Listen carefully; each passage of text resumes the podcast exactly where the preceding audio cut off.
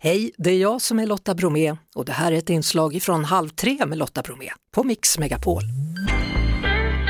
Hallå där Kristin! Hallå, hallå! Ja du, ikväll så kommer vi se dig leda Svenska hjältegalan på TV4. Det måste väl ändå vara en av de galor som värmer allra mest? Ja, det måste jag säga. Den är helt fantastisk den här galan. Det är den verkligen. Och det är alltså vardagshjältar då som har visat civil, civilkurage och medmänsklighet som hyllas? Exakt så, precis. Men när ni sitter och har era möten då, är det svårt att välja? Ja, det är det ju. Därför att vi får ju några nominerade i varje kategori och alla de är ju hjältar. Eh, så det handlar ju om att ta fram vilka man ska lyfta i år. Och det blir ju, det var väldigt fina diskussioner, ibland lite mer intensiva, det kunde jag frågat igen om.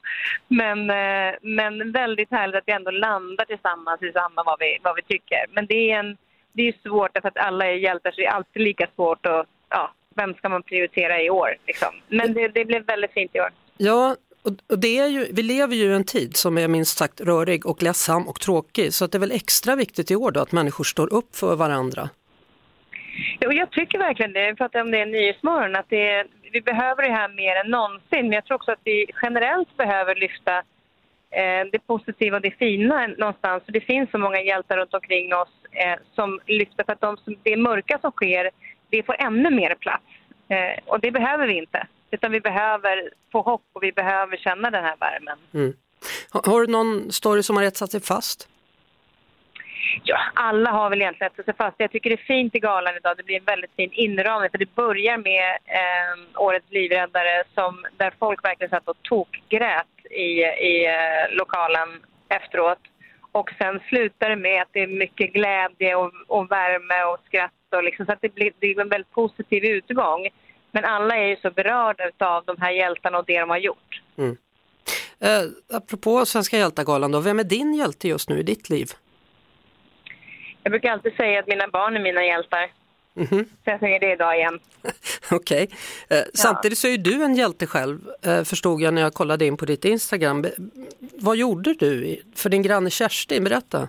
Ja, jag tycker, det är också så jag tycker inte att det var hjälte. Och det är så alla som gör någonting gott säger. Ja, men jag lussar för henne bara. Men men det är väl kanske de här små sakerna som jag tror också är viktigt att lyfta när vi gör en sån här gala. För det är ganska stora saker som de här människorna gör. Men det är också de små grejerna i vardagen som betyder mycket. Är det någon som är sjuk, häng en påse med mat på dörren.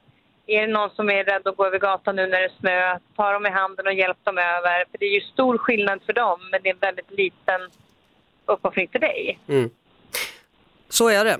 Stort tack Kristin ja. och uh, vi tittar med spänning på kvällens gala då. Ja, gör det. Tusen ja. tack. Tack, ha tack. en fin helg. Samma. Hej då. Hej då. Halv tre med Lotta Bromé på Mix Megapol.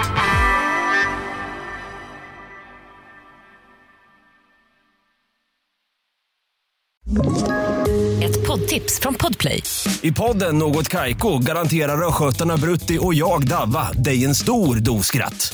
Där följer jag pladask för köttätandet igen. Man är lite som en jävla vampyr. Man har fått lite blodsmak och då måste man ha mer. Udda spaningar, fängslande anekdoter och en och annan arg rant. Jag måste ha mitt kaffe på morgonen för annars är jag ingen trevlig människa. Då är du ingen trevlig människa, punkt. Något kajko, hör du på podplay. Därför är gardinerna.